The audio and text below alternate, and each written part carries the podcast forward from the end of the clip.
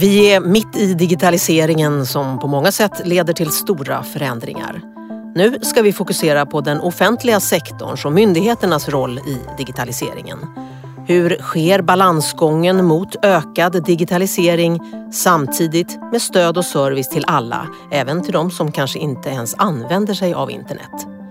Vilken utveckling, vilka nya tjänster och vilka möjligheter kan bli verklighet till följd av att det offentliga arbetar med de här frågorna?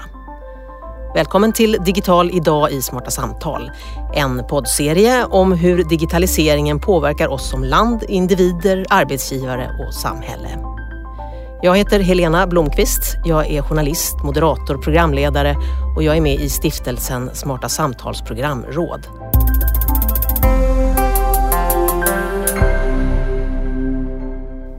Idag har jag nöjet att hälsa välkommen till två generaldirektörer som ägnar sig mycket åt de här frågorna. Thomas Paulsson, generaldirektör Statens servicecenter, välkommen. Tack så mycket. Och Anna Eriksson, generaldirektör DIGG, Myndigheten för digital förvaltning. Välkommen. Tack så mycket. Och du är med oss från Sundsvall där myndigheten finns och då förstås på digitalt vis denna gång.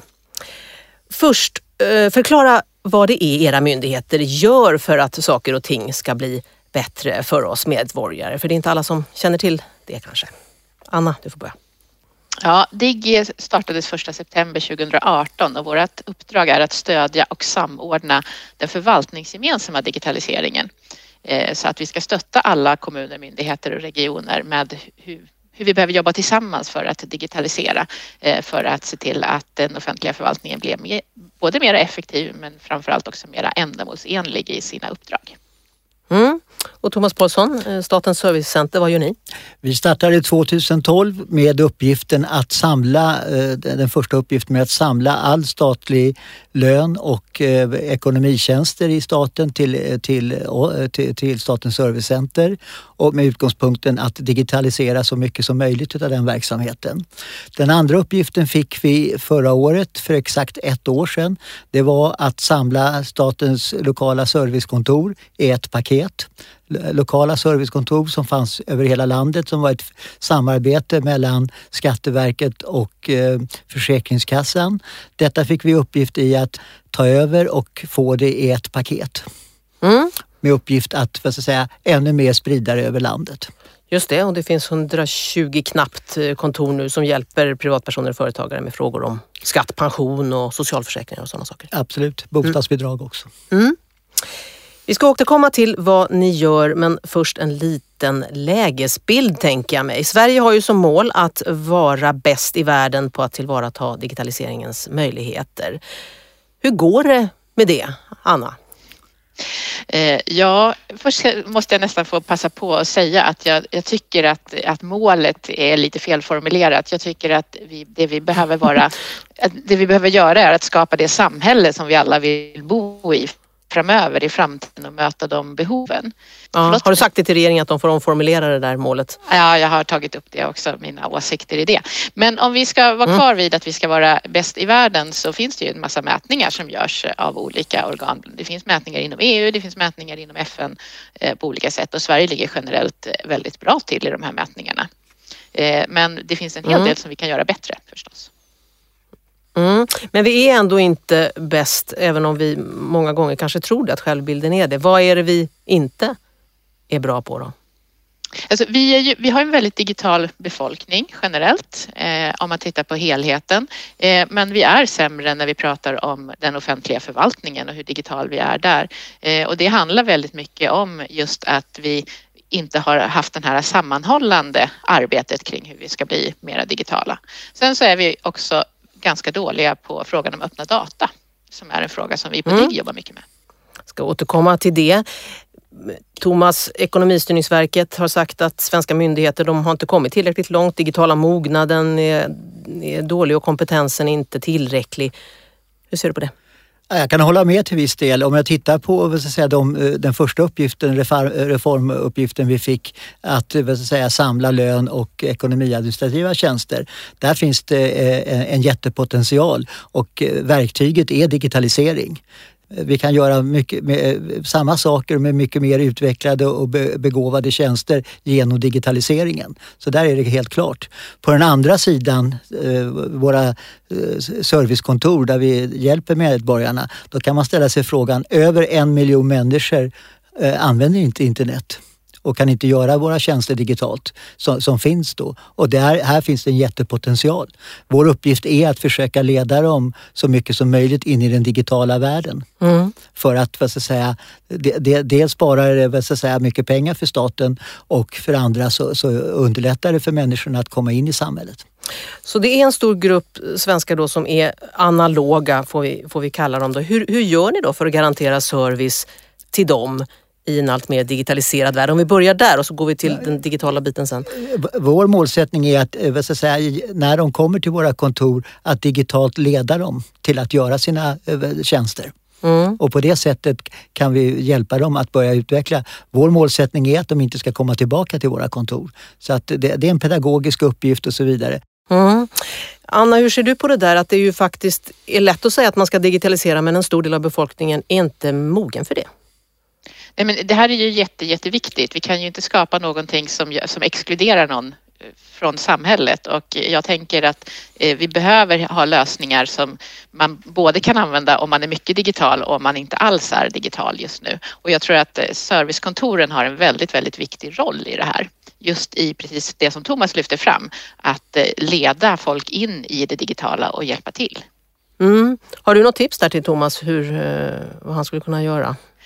Jag tycker, att, eh, jag tycker att man jobbar väldigt bra med det här redan. Det jag tänker i förlängningen att man borde kunna göra eh, det är ju att ännu mer kunna hjälpa till med alla typer av eh, tjänster, även inom sådana områden som inte rör pension och skatt, socialförsäkring, utan skulle kunna vara till exempel hur man ska gå tillväga om man vill köpa en fastighet eller så. Mm, eller e-legitimation. Ja, eller e-legitimation. Thomas? Jag tycker det låter väldigt eh, vettigt som Anna säger och jag hoppas väldigt mycket på ett samarbete med Anna. Att få eh, dels de här stora myndigheterna som vi redan har idag som, som, eh, som vi levererar tjänster för mot medborgarna, att de sam, ännu närmare kommer varandra i att utveckla eh, gemensam tjänsteproduktion så att det ska bli ännu lättare för medborgarna och, och de som söker sig till våra kontor. Och samtidigt så håller jag helt med Anna, vi, vi måste utveckla det här så att fler grupper eh, inom staten staten kommer med i det här så att tjänsterna blir ännu lättare att få hjälp, pedagogisk hjälp att kunna utnyttja. Mm. Och det här med samordningen då, att ni ska jobba tillsammans, är det är det, det som eh, brister ofta? Jag tänker, det finns lite olika delar i det här men en väldigt viktig del det är just det här med alltså kontakten med medborgarna. Att, att vi ber medborgarna att lämna information och data om sig själv som man redan har lämnat till en annan myndighet. Och det här tänker jag är en av de viktiga delarna där vi kan bidra att se till att vi tillsammans kan, hit, kan bygga en gemensam digital infrastruktur så att vi kan utbyta data så att man inte behöver lämna samma uppgift flera gånger till det offentliga. Eh, och det Vad kan det vara till exempel? Ja, det kan ju vara de här väldigt enkla sakerna som sin adress eller telefonnummer eh, eller någonting sånt. Men det kan ju också vara att man, eh, ja det som står om en i, i olika register som man själv måste tala om för någon annan. Vi har sett att eh, ungefär 40 procent av alla myndigheter säger att de faktiskt frågar enskilda om information som staten redan har tillgång till. Men mm. här handlar det också om att det finns juridiska eh, skäl. Det finns regelverk som säger att man inte får dela information hur som helst inom staten. Mm, hur ser du på det? det, är en väldigt viktig fråga som Anna tar upp. Eh, med här, eh, registerlagstiftning, sekretesslagstiftning här.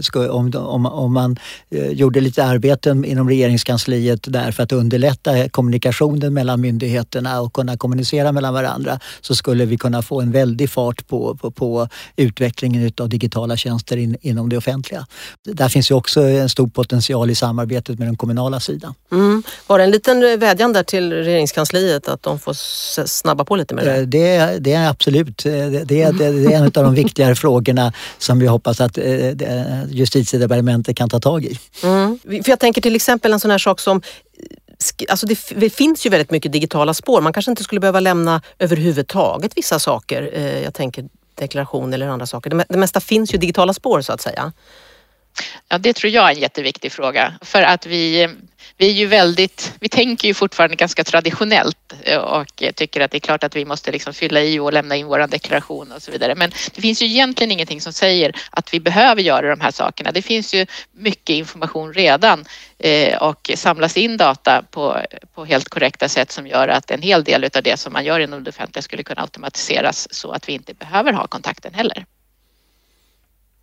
Ja, det är bara en liten lagstiftningsändring som behövs för, så skulle Skatteverket inte behöva kräva in eh, underskrifter från oss. Mm. Ännu, ännu en, en liten mm. vädjan till lagstiftarna, ja. politikerna. Mm. Och samordningen lite grann var du inne på också, eller ni har båda varit inne på det Thomas, du sa där med, med kommuner, alltså att det är så många eh, bitar och som, det är inte alltid att man som kommunmedborgare eller som medborgare överhuvudtaget vet vart man ska vända sig. Det kanske är lite rörigt med de här olika eh, offentliga ställena man ska vända sig till? Ja, det, det, det, svenska samhällsmaskineriet, det är därför många kommer till oss, är, är komplicerat. Alla kan inte eh, vilka myndigheter som står bakom vad. Så där finns det en väldigt stor uppgift att göra. Men det är precis som på den privata sidan. Eh, om vi kan vara vad ska jag säga, kreativa och innovativa så kan vi utveckla tjänster som man mycket lättare kan komma och så kan göras tillsammans mellan olika myndigheter. Och där, där tror jag Anna eh, Digg har en jätteuppgift att jobba med de här stora myndigheterna som, som vi, Arbetsförmedlingen, Skatteverket och Pensionsmyndigheten för att få dem att samtala med varandra och, och, och spränga lite gränser här. Mm. Anna, hur gör du för att spränga de där gränserna? ja men precis. Vi, eh, vi vill väldigt gärna och vi vet ju att, att de stora myndigheterna vill också så att det, eh, det här är ju någonting som vi arbetar med och jag, precis som ni sa så är det väldigt viktigt att inte heller glömma kommuner och regioner i det här arbetet. Eh, för att eh, väldigt mycket kontakten med, med, enskilda sker ju hos kommuner och regioner och det är ju väldigt stora områden, till exempel vård eh, och, och omsorg och respektive skola som är där man har väldigt mycket kontakt som blir väldigt viktigt. Mm. Thomas, de lokala servicekontoren som ni har hand om där folk och även företag kan få hjälp. Du sa här tidigare när vi pratade att du skulle nog helst vilja att de där var digitala. Ja, om vi ska komma ut i hela landet. Jag, jag tror inte att vad ska säga, existens bygger på det fysiska mötet. Det ska vara det öppna samhället. Det är den öppna staten som människor ska kunna gå till. Men eh, om vi ska kunna vad ska säga, arbeta över hela landet och ge enligt, en, enligt regeringens intentioner servi, lika service för alla i hela landet, ja då måste vi nog börja tänka att kunna ha vad ska säga, digitala kontor. Eh, det, det, det, kundunderlaget kan bli för litet för att man ska kunna motivera att anställa folk men vi måste ändå kunna se till att folk kan göra sina tjänster. Så vi ser framför oss och vi, vi börjar med att samarbeta med bibliotek och andra ute i landet.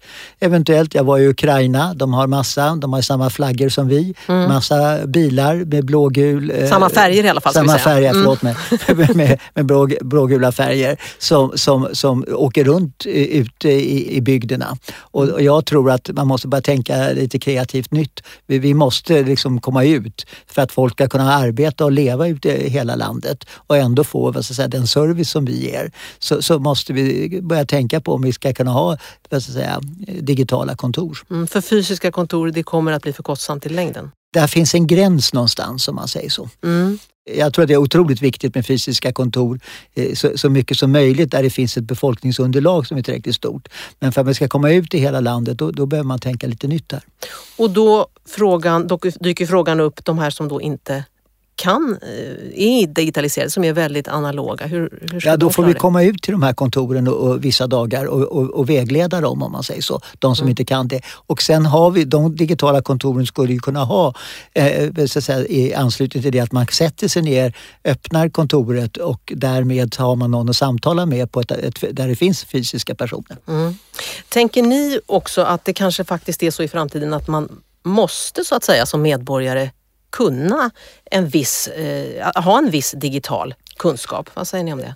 jag tror det är otroligt viktigt att digitalisera den här miljonen som inte finns. På, I alla fall höja nivån betydligt.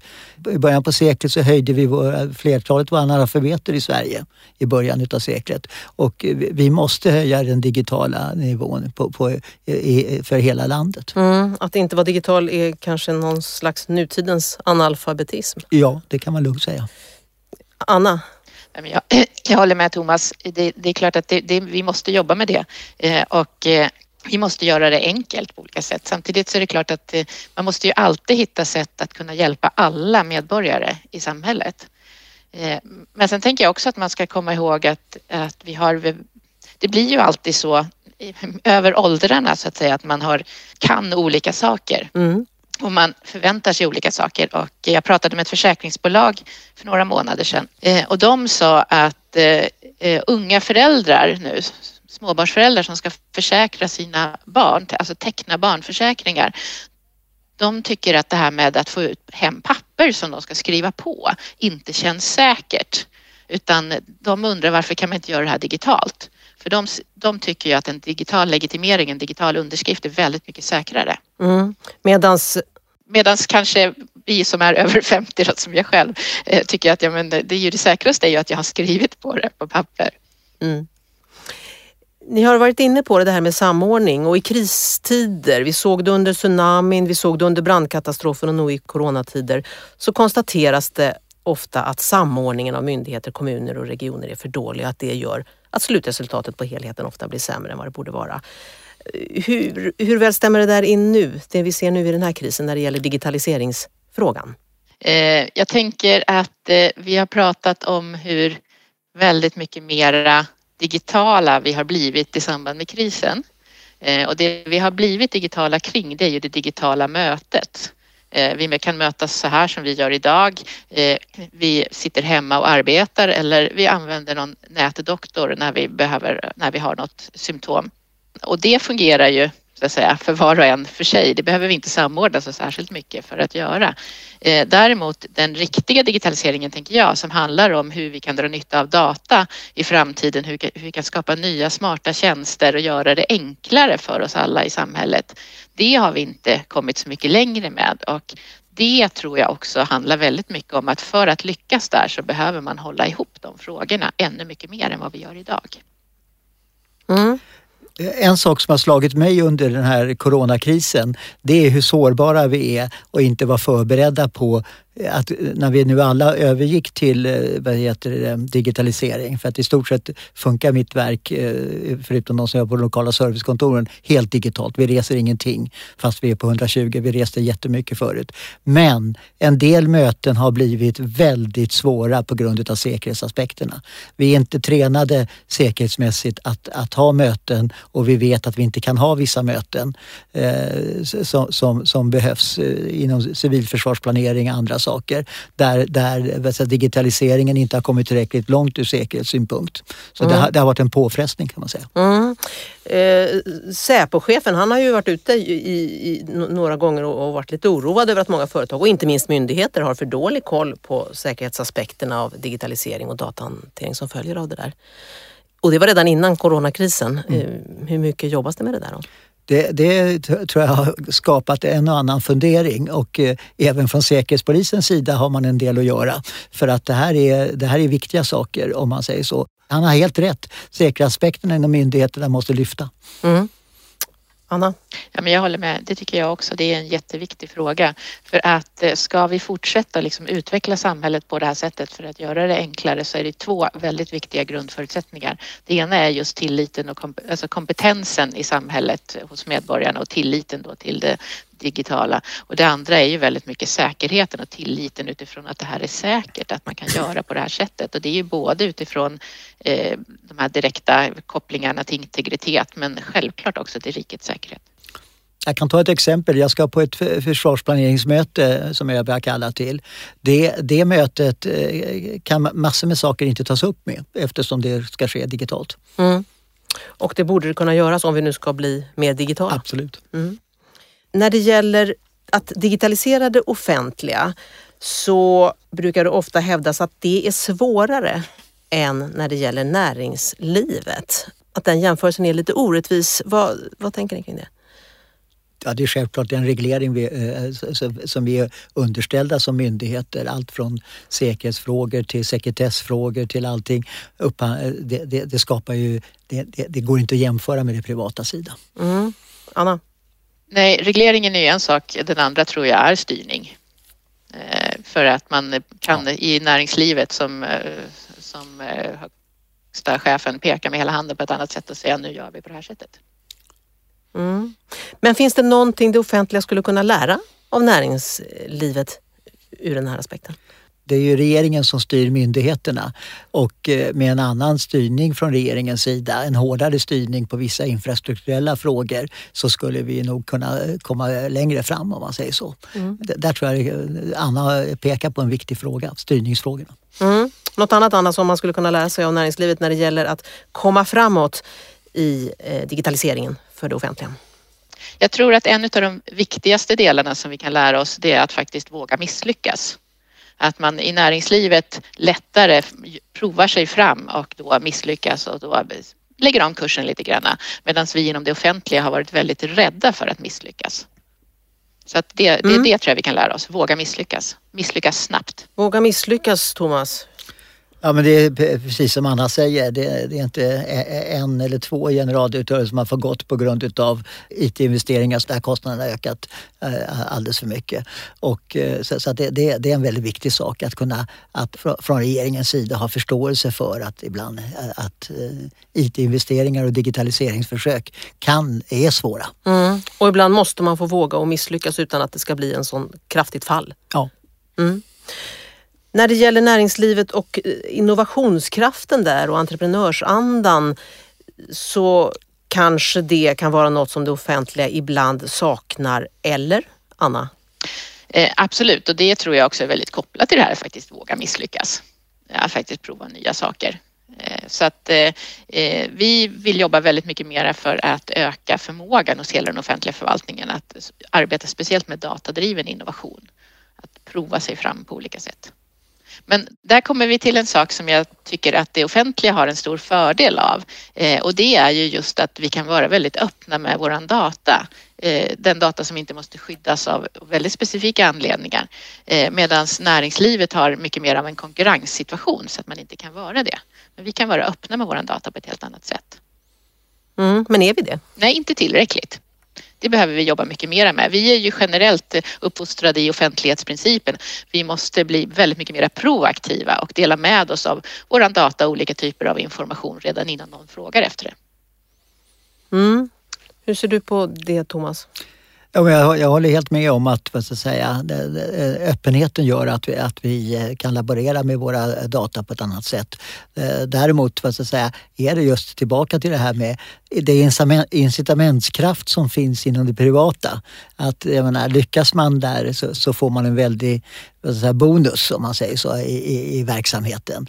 Eh, här, eh, min upplevelse är att vi, vi är riskminimerare ganska mycket inom stat, statsförvaltningen. Det, det, det är den läggning till, till, på gott och ont om man säger så. Det finns mycket gott i det också, att, att man inte sticker iväg. Men samtidigt behöver det öka möjligheten och där tror jag det är väldigt mycket regeringen kan hjälpa till med incitament för, för oss i staten. Mm. Om du ska ge något konkret exempel, då, vad skulle du vilja se på det området? Jag skulle vilja se att regeringen eh, vad ska säga, eh, finansierade eh, riskfyllda projekt mer som myndigheterna fick uppdrag att göra och inte liksom det låg inom ramen för myndigheternas vanliga förvaltningsanslag. Mm. Finns det något exempel?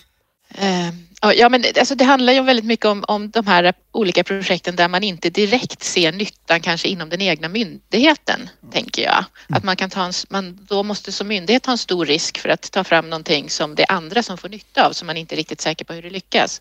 Eh, och det handlar ju väldigt mycket om så här grundläggande infrastruktur kring eh, olika typer av utbyte av data till exempel. Mm. Och data är guld i, i dagens digitala samhälle? Men det är ju det. Det är ju det allting handlar om och det är det vi behöver använda på ett bra och ansvarsfullt sätt för att skapa nyttan för hela Sverige i framtiden. Mm, och hur mycket möjligheter och, och effektiviseringar och utvecklingar går vi miste om på grund av till exempel att tillgängligheten på öppen data inte är tillräckligt stor? Ja, det har ju kommit en eh, rapport, en delrapport här från ett projekt där man tittar på värdefulla datamängder eh, som, där man pekar på att det handlar om eh, ja, ett antal miljarder om året eh, utifrån vissa värde, värdefulla datamängder som det offentliga har. Jag tror att det, att det liksom handlar om liksom storleksordningen 10 miljarder om året generellt.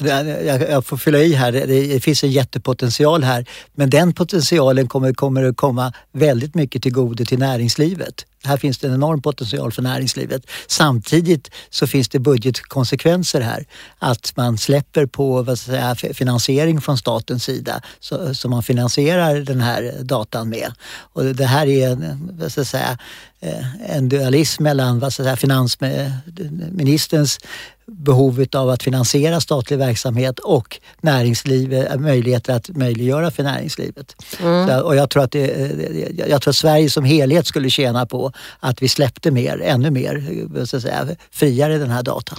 Mm. Även om det då kostar statskassan så att säga? Ja. ja. men tittar man på den här senaste rapporten så, så handlar kostnaden handlar om i storleksordningen en halv miljard om året för statskassan på det sättet. Men det är ändå mm. så att man också pekar på utav de här 10 miljarderna så finns det miljardvinster även inom det offentliga.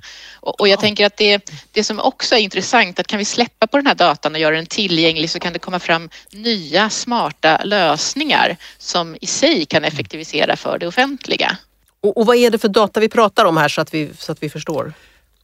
Ja, du kan det bättre som kommer från Lantmäteriet. Ja, precis. Det är bland annat Lantmäteriets mm. data då. Det är geografisk information, det är fastighetsinformation, det är bolagsinformation, det är eh, olika typer av grunddata om saker i samhället kan vi säga. SCB-statistik. Ja, mm. statistikdata. Mm. Och som lekman så, så låter ju det där självklart. Om man har så mycket att tjäna så borde det väl bli så? Det tycker man. Det här har varit en kamp i många år mellan Finansdepartementet och, och andra delar som vill, vill ha den här utvecklingen och, och, och, potentialen. Så att, och jag tycker det går åt rätt håll nu. Mm. Men sen tänker jag att man ska inte glömma annan typ av data. Som till exempel eh, det, Många kommuner får mycket frågor om fakturor till exempel och ber att de ska lämnas ut eh, och då blir det mycket jobb hos kommunerna att, att sköta det utlämnandet. Man skulle kunna publicera, se till att alla fakturor eller information om alla fakturor ligger öppet. Eh, då slipper man hantera mm. den frågan. Och dessutom visar man på en väldig transparens mot sina kommuninvånare. När det gäller digitalisering så är det ofta kopplat till teknik och jag vet att du Anna, du har pratat mycket om vikten av att vi med hjälp av ny teknik kan skapa nytta för människor. Hur ser man då till att det verkligen är människan i centrum som styr och inte tvärtom, alltså att tekniken blir det som är väsentligt och så glömmer man bort de mänskliga behoven? Ja, det, man måste ju utgå från behoven hos människorna och det, där tror jag vi ofta går fel och speciellt vi som är mera ingenjörer som jag själv, att man kommer på någonting väldigt smart och tycker att det här tekniken skulle vara kul att göra någonting med. Mm. Istället för att fråga sig vad är det egentligen som behövs? Och hur mycket tänker ni så när ni jobbar med eh, utvecklingen av digitaliseringen? Ja, det skulle vara jätteskönt att säga och så tänker vi alltid men vi försöker tänka mycket så ska jag säga. För det tycker vi är viktigt och det mm. står också i vår instruktion. Thomas?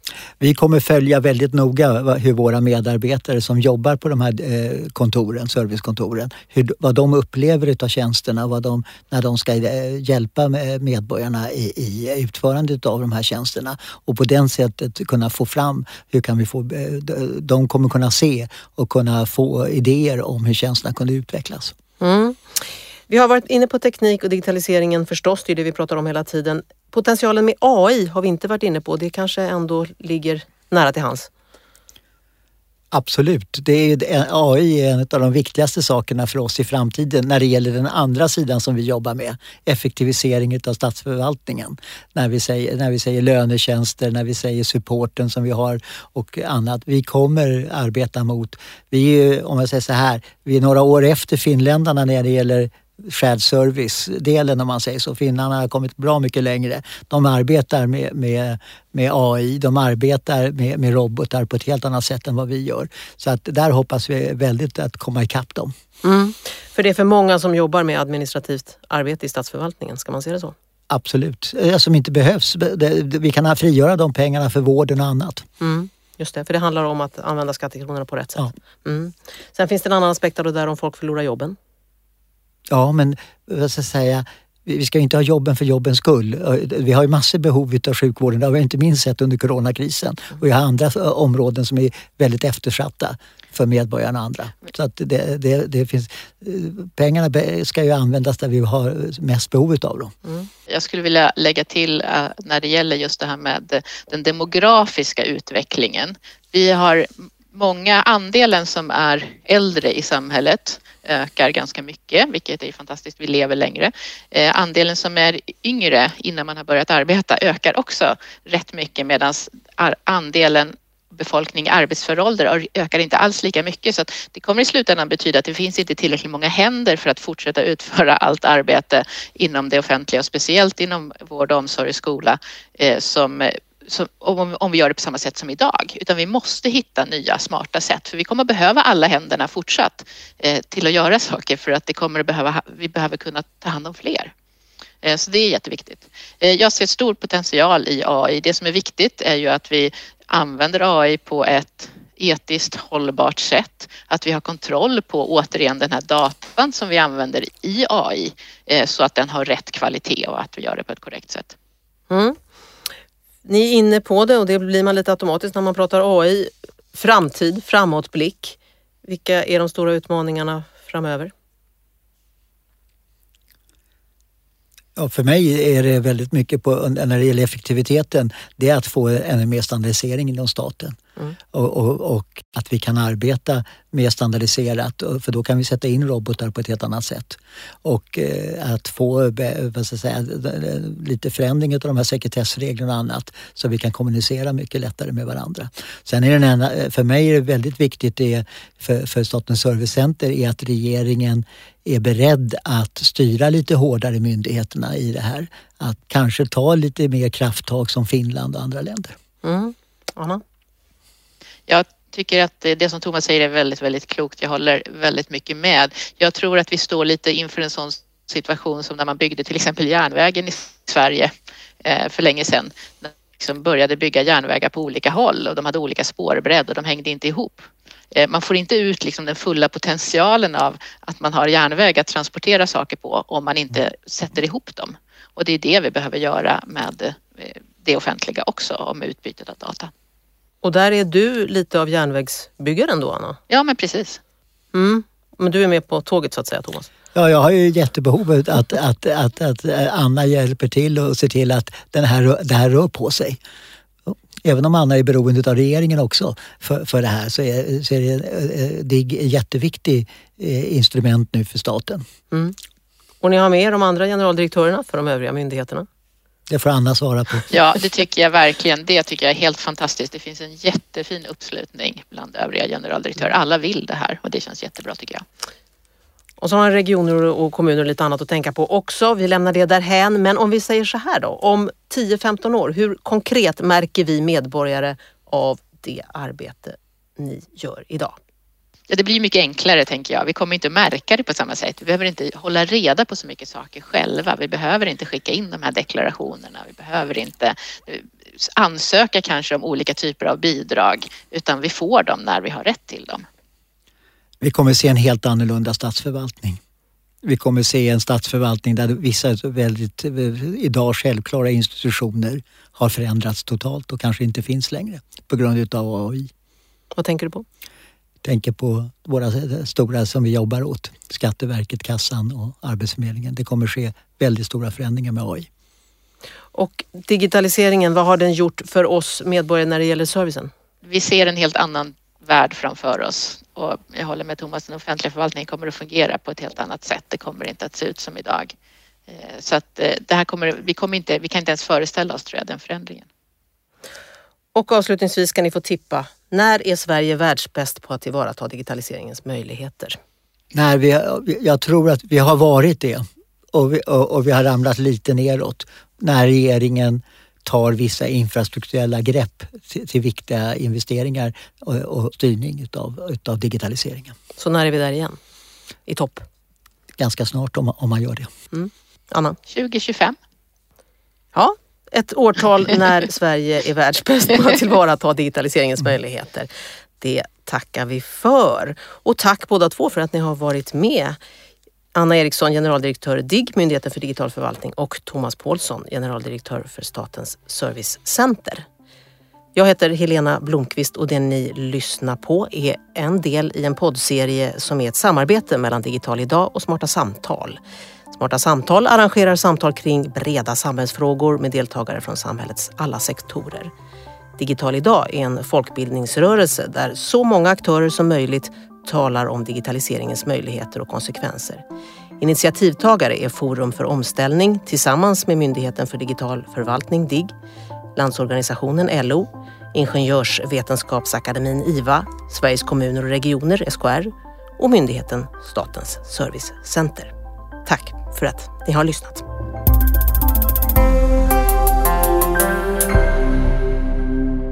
Det här programmet görs på Beppo. Beppo.